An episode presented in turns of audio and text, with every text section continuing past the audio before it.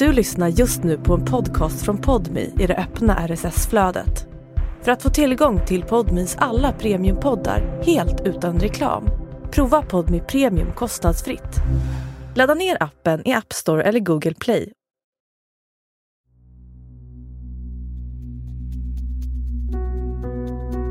Det här är Utanför murarna, där jag, Josefin Freje, träffar människor som suttit i fängelse för grova brott, men som nu är ute i samhället.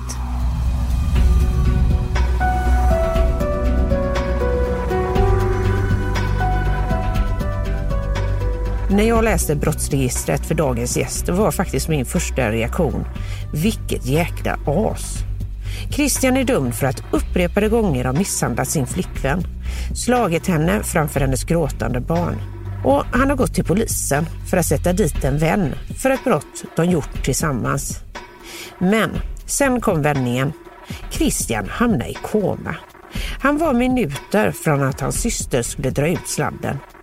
Idag är han hjärnskadad, ångerfull och kanske en ny människa. Grov kvinnofridskränkning blev det dömd för. Det är ett jävligt fult brott alltså. Det, det, det är jävligt fu- fult brott. Jag sa det, jag går inte ut på kvinnoboksavdelningen för jag kommer slå ihjäl dem liksom. Fattar du inte att du var en av dem då? Jo, jag visste ju att jag var en av dem.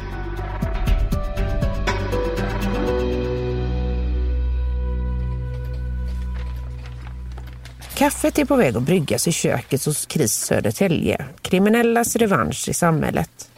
Här jobbar Christian och stöttar andra som vill lämna det kriminella livet bakom sig.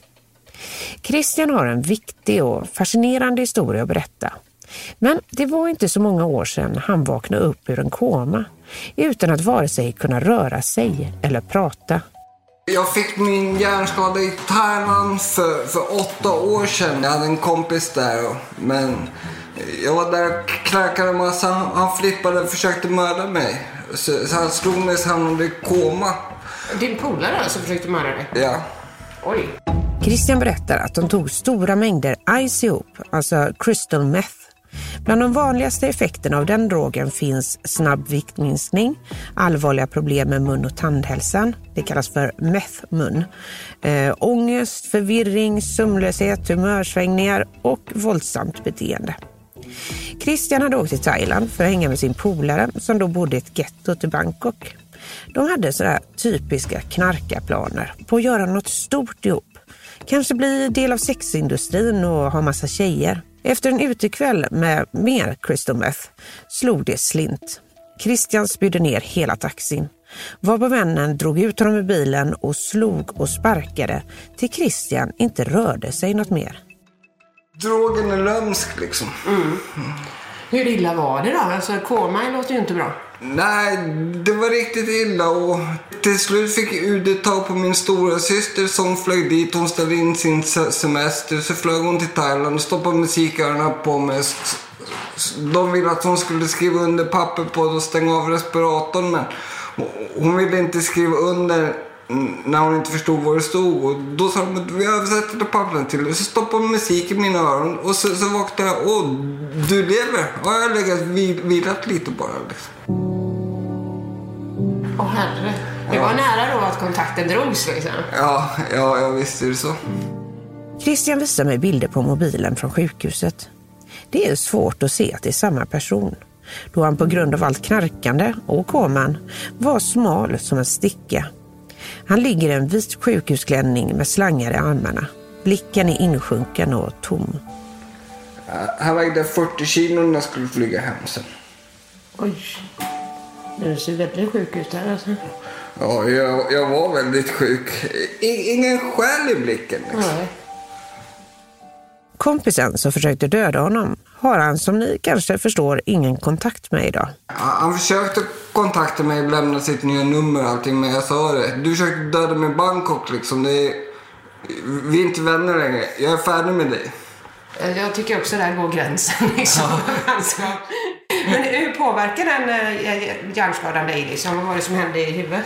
Ja, Eftersom jag lider av förvärrad hjärnskada, jag får bo på LSS-boende idag så jag har personal som kommer och hjälper mig städa, de hjälper mig laga mat. De ser till så jag har ordning i livet. Jag har även en god man som ser över min ekonomi och ser till så jag klarar mig varje månad. Liksom.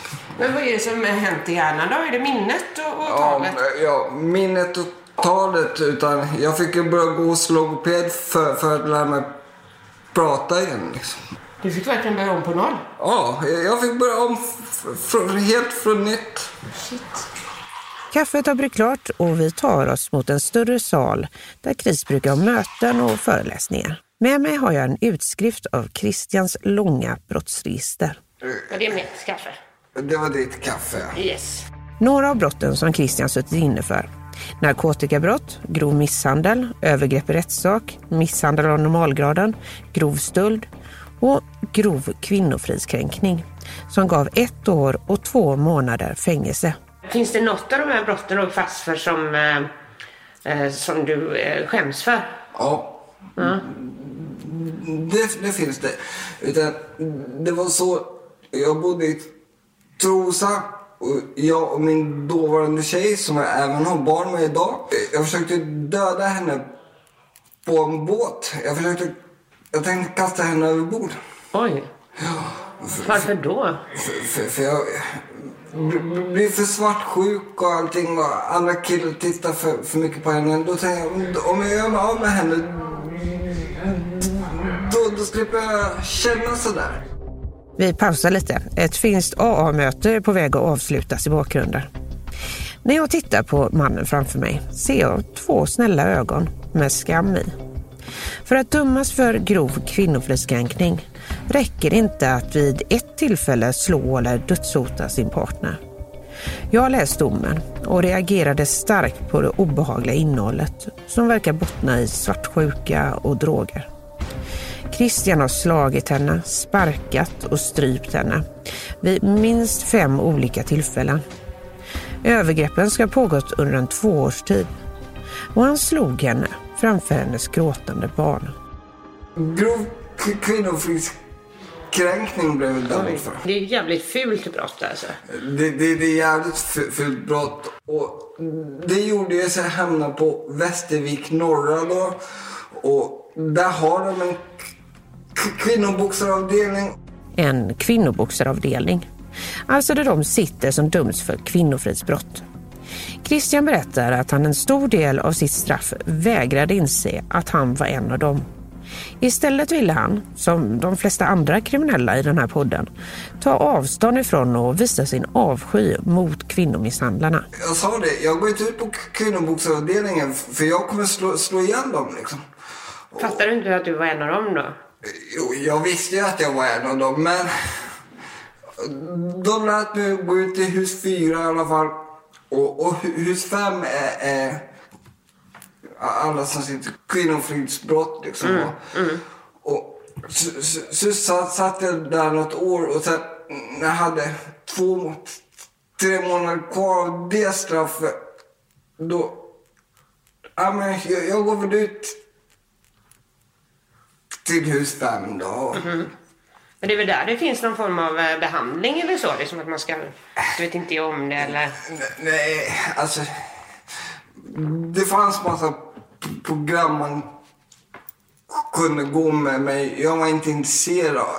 Jag ville egentligen inte för- förändra mitt liv. Liksom. För, för jag, jag trivdes med att vara kri- kriminell. Liksom. Hur är det i kriminella kretsar att vara kvinnomisshandlare? Det är inte po- populärt och det var därför jag sa det. Om ni släpper ut mig dit, då kommer jag döda hela avdelningen. Och det var därför de satt mig på normalavdelningen. Liksom. Ja, Då tänkte du att du kunde få lite street cred ändå om du ja. slog där inne. Ja, jag visste ju så. Christians logik om att slå andra kvinnomisshandlare för att få respekt igen bland andra som sitter inne, ja, den logiken haltar. Samtidigt har han avtjänat sitt straff och säger också att han styrt upp sitt liv och inte rört droger, alkohol eller kriminalitet på fem år. Hur tänker du liksom runt eh, mamman då till ett av dina barn, eh, brottsoffret där, hur tänker du eh, runt det du har gjort? Eh, jag har även lagt upp henne i mina steg då, i, som jag gjorde via anonyma alkoholister på gottgörelselistan. Och jag har gottgjort henne och bett om ursäkt och verkligen berättat om hur ledsen jag är för, för, att jag gjorde det, det där. Och liksom, och, och hon har accepterat det, det och hon, hon säger ja, vi levde dysfunktionellt båda två och vi har nog barn ihop. Det är såklart vi ska komma överens. Och det. Men, men mm, en punkt av henne hatar nog mig för att jag gjorde så jag gjorde, men mm, när jag satt i fängelset så då lämnade hon mig för min kompis och det slutade inte så bra heller för han var också dysfunktionell och fick ett annat straff på, på några år för han sålde ko- kokain då. Oj då. Ja, så, så hon, hon bytte ett problem mot ett annat.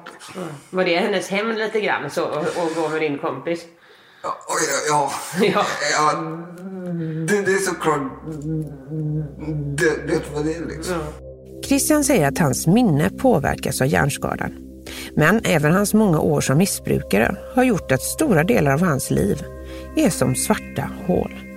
Det, det är större delen av mitt vuxna liv liksom, som jag bara har knarkat och liksom. Och, sen ju hjärnskadorna också. Så, så mitt, så, som tur är så, så, så, så minns jag inte så mycket. Och ibland kommer fram folk åt mig nere på stan och pratar med mig som att de, de känner mig. Jag, jag lider av förvärrad hjärnskada. Vem är du? Jag kommer inte ihåg vi gjorde det. Nej, jag minns inte. Jag lider av förvärrad hjärnskada. Liksom. Jag- Men du kanske ändå hjärnskadan på ett sätt är en liten blessing? Eh, eh, absolut. Det är dumt att klaga liksom. För det är jobbigt att komma ihåg allt dumt som man har gjort, tänker jag.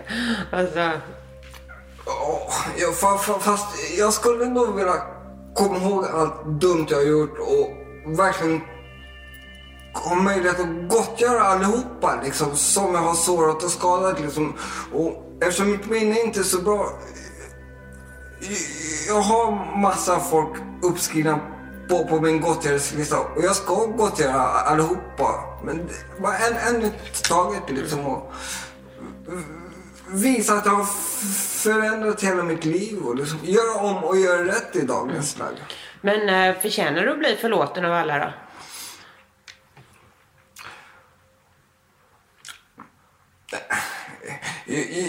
Jag, kan inte säga att jag förtjänar att bli förlåten utan det ligger hos dem. Men, men jag ska göra mitt bästa för att visa att jag har för, förändrat mitt liv och, och, och att jag tar ansvar idag och gör, gör om och gör, gör rätt liksom.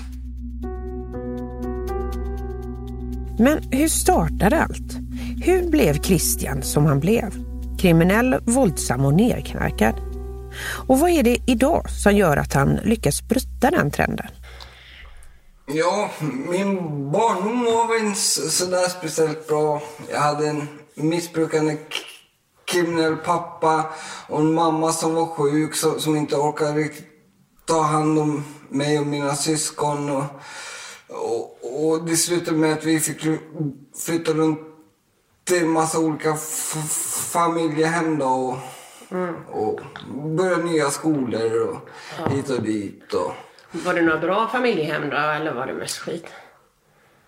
Jag tycker inte det var något bra, för det var inte hemma för, för mig. He- Hemma, hemma för min del. Det är hemma hos min familj, hemma hos min mamma liksom. Och när jag bodde på ett familjehem i Sala så dog hon när jag var t- 12 år gammal. Eller 13 kanske jag var när hon, när hon dog. Din mamma? Ja. Ja.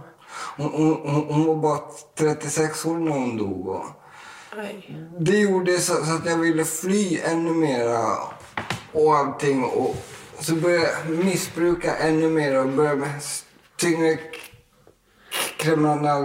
kriminalitet bara för att överleva liksom. Och slippa känna. Så jag började missbruka väldigt mycket.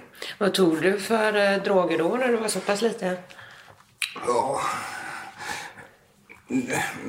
mycket tjack, mycket ko- kokain, mycket hasch.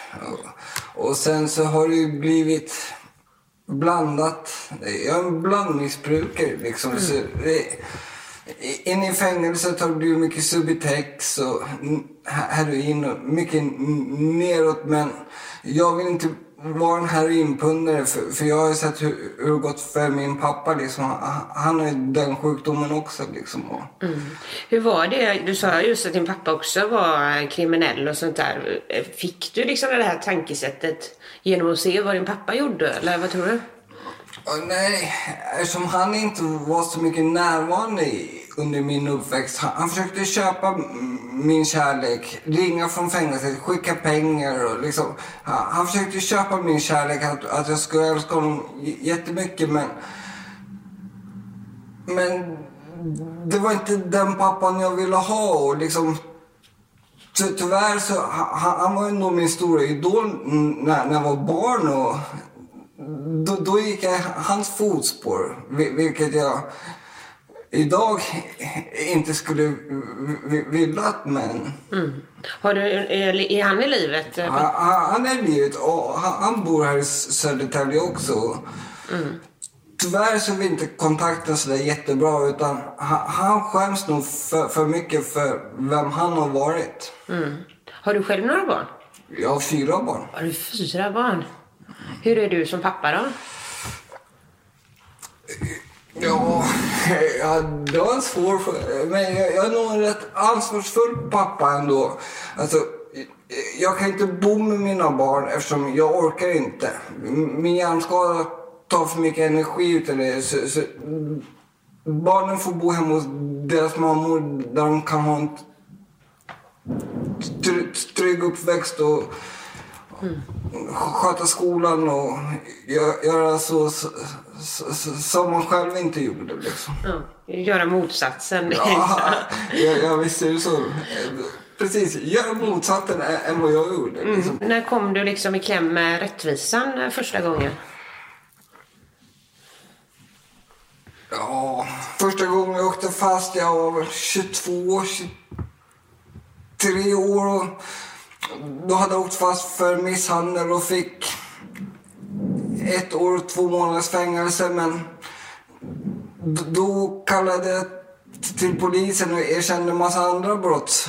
Andra, ett rån som jag hade gjort också. Och Varför erkände du det då? för, för jag ville bli av med allting på, på en gång. Liksom. Ja. Så, så, så, så, eh, i- inte sitta av straffet först utan, och, och, och sen komma ut och sen kommer någon gammalt och bita en. Så då, då kan vi kunna e- erkänna alla brott. Christian är 38 år. De många brotten har också resulterat i många år i fängelse. Totalt är det nästan 10 år som Christian suttit inlåst. I fängelsets, eh, fängelsetiden, vi pratade lite om eh, bara Västervik, där var det. Eh, men vad, vad är det för andra ställen du har suttit på? Jag har suttit på Kumla, eh, Nor- Norrtälje, Täby, Storboda, Malmö, Finland. Finland? Och Vad hade du gjort i Finland då? nej, jag, jag, var dömd i Sverige men eftersom jag är finsk medborgare så, så, så sökte mig till Finland efter att jag hade suttit halva ti- tiden i Sverige. Och så sökte mig Ah. till, till Finland för, för det, det är halvtid. Jag, jag skulle tjäna massa tid vet du. Och så kom jag till Finland och där var det hemskt att sitta i fängelse. Var det? Oh, inte alls som i, i, i, Sverige. Det, det är nog tryggt men, men inte i Finland. Där bodde vi åtta man i ett, ett rum.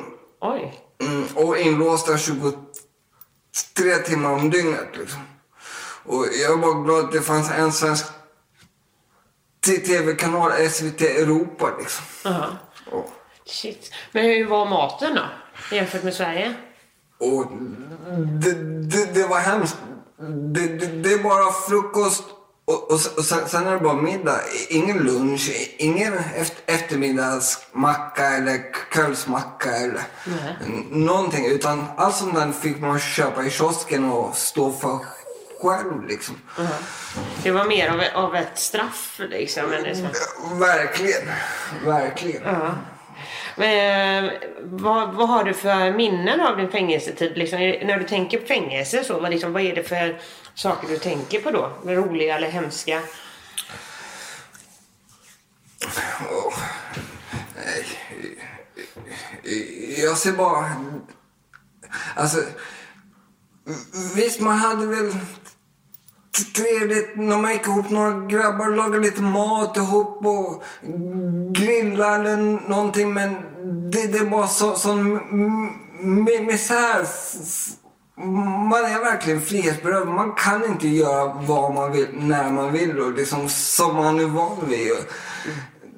Det är så mycket mörker i fängelset och man orkar inte med det i dagens läge. Liksom. Men visst, man har roliga stunder också. Man sitter och spelar lite poker eller någonting och allt sånt där blir hårdare nu.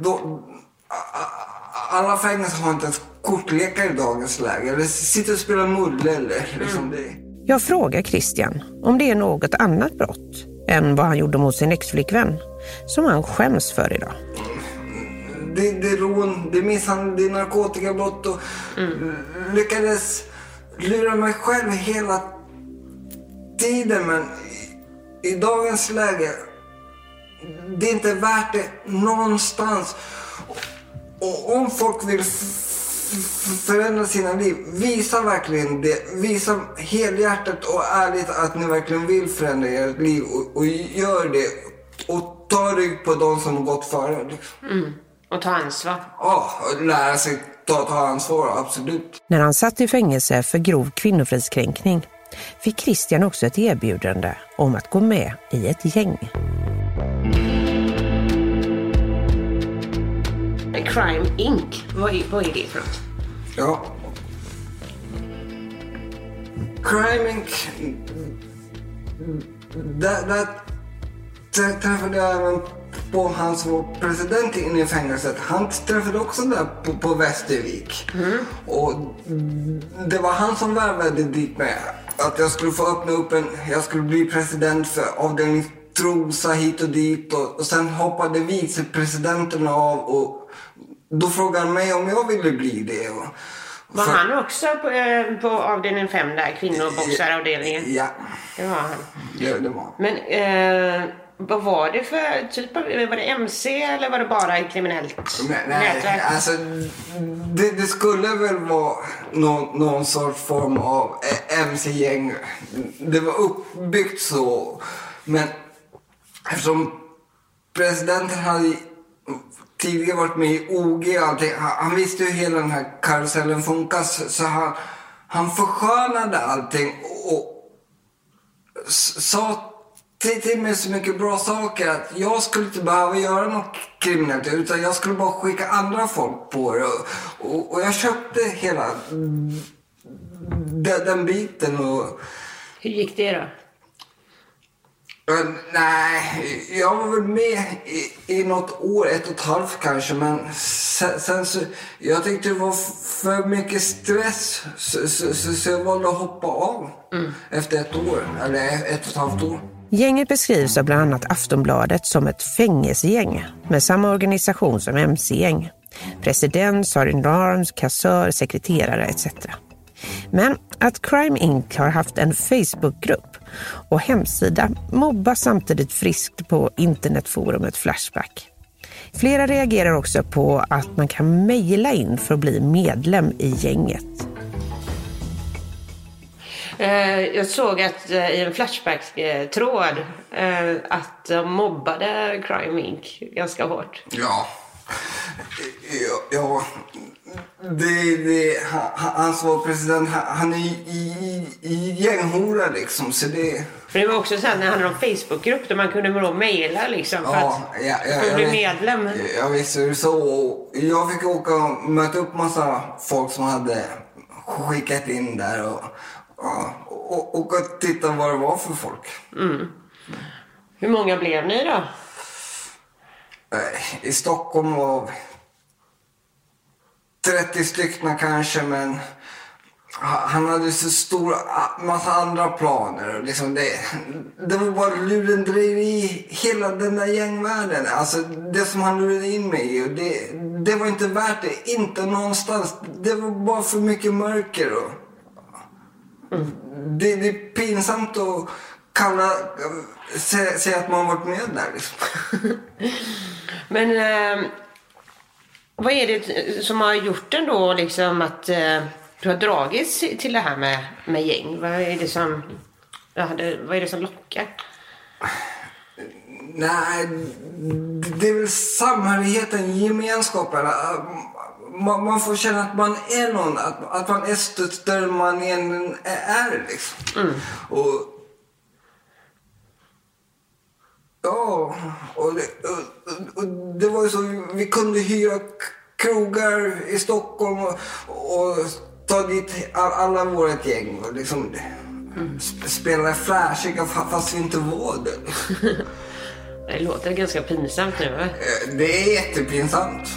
Christians hela liv verkar ha varit en flykt från både ansvar och känsla. Under sina kriminella år har han sårat och skadat många människor.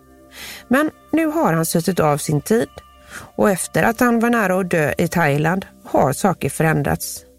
Nystarten blev när han kom hem från sjukhuset till Sverige och hittade KRIS, kriminellas revansch i samhället. Sen fick jag börja om. Jag fick flytta hem och bo hemma hos min kära syster. Och jag fick gå, åka på sjukgymnastik några gånger i veckan. Jag fick börja gå hos logoped för att lära mig prata igen. Och, och, det var så jag hittade till KRIS också mm. det är tack vare min syster att jag är här. För hon ringde min chef och sa det. Men jag tror min bror hade passat bra hos er. Och så kom jag hit när min chef Jakob hade föreläsning. Och jag kände mig så delaktig i det. Och jag kände igen mig i hans historia. Och blev lite avundsjuk på, på honom.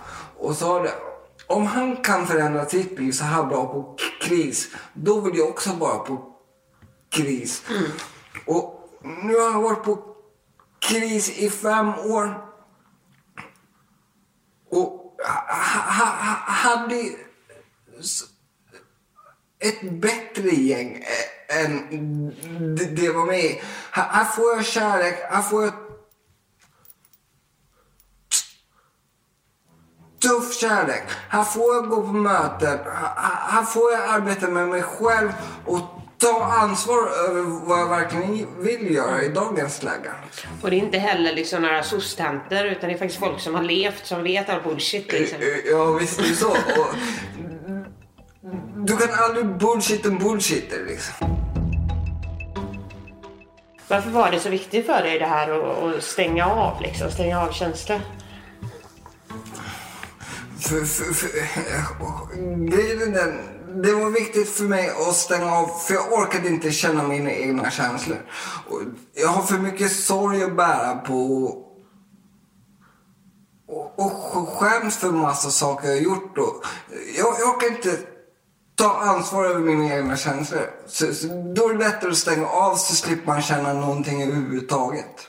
Hur är det idag då när du vare sig knarkar eller dricker? Jo, det, det, är mycket bättre idag. Idag har jag kontakt med mina känslor. Jag har kontakt med, med, alla mina ex, med alla mina barn och liksom i den mån de kan. Men de får ju visa att, att de vill ha en pappa också som är fungerande. Så, så, som är, är bra idag liksom. Och, mm. och inte lever i den här glamorösa knarkarkristen liksom det. För han ska ingen lita på liksom. Nej. Och sen också vara frånvarande och sitta inne. Och... Ja, mm. ja visst är det så. Mm. Eh, tror du att du hade liksom suttit här idag om du inte hade råkat ut för den här eh, hjärnskadan och nästan dött? Mm, nej, jag tror inte det. För, för jag hade inte arbetat så, så mycket med mig själv allting. Och, men, men när jag kom till KIS, underbara människor, snälla människor. Och, och jag såg ändå en framtid här. Och jag ville verkligen arbeta med mig själv, ville förändra hela mitt liv. Och, och den chansen fick jag här på KRIS. Och liksom det, jag är så oerhört tacksam för, för den här möjligheten. Liksom. Och det är bara en dag i taget som, som gäller. Liksom. Och i, jag vet att jag blir anställd ett år i taget. Jag vet att jag blir anställd till 14 juli det här året och, och, och sen så måste jag gå, gå via, via Arbetsförmedlingen och jag har ändå trygghetsanställning. Så det är bara ett år i taget. Men har det varit en stor omställning att gå från att liksom hela tiden haft det här kriminella till att liksom, du vet, jobba, betala räkningar, Svensson-grejer liksom? Ja. Nej, det här har ändå varit mitt mål. Att bli en riktig Svensson. Alltså, i, i, jag arbetar 24 timmar om dygnet. En krisare gör det. Alltså, man, man, här får man arbeta med programmet, här får man lära sig ta ansvar, här får man vara sig själv. Alltså, och, och verkligen visa att man vill ha en förändring i livet. Och jag hoppas att jag är en bra förebild idag för alla andra som kommit till kris också. Liksom. Mm. Vad skulle du vilja säga till folk som har muckat och ändå vill ha en eh, förändring i sitt liv? sök hjälp hos KRIS, unga KRIS. Liksom det, ta, ta efter de som har gått före liksom. Och, och man ska verkligen inte blunda för, för de vill verkligen hjälpa en. Och det, det gäller bara att ta på sig vuxenbyxorna och, och, och ta, lära sig ta ansvar och göra det.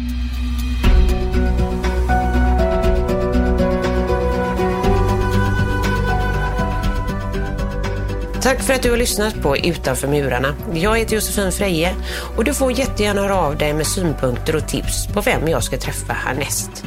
Mailen är utanförmurarna.gmail.com Du har lyssnat på Utanför murarna, en exklusiv podmi-produktion från tredje statsmakten. Reporter var Josefin Freje. Producent för avsnittet var Robin Jonsson. Exekutiv producent hos Podmi var Sofia Neves.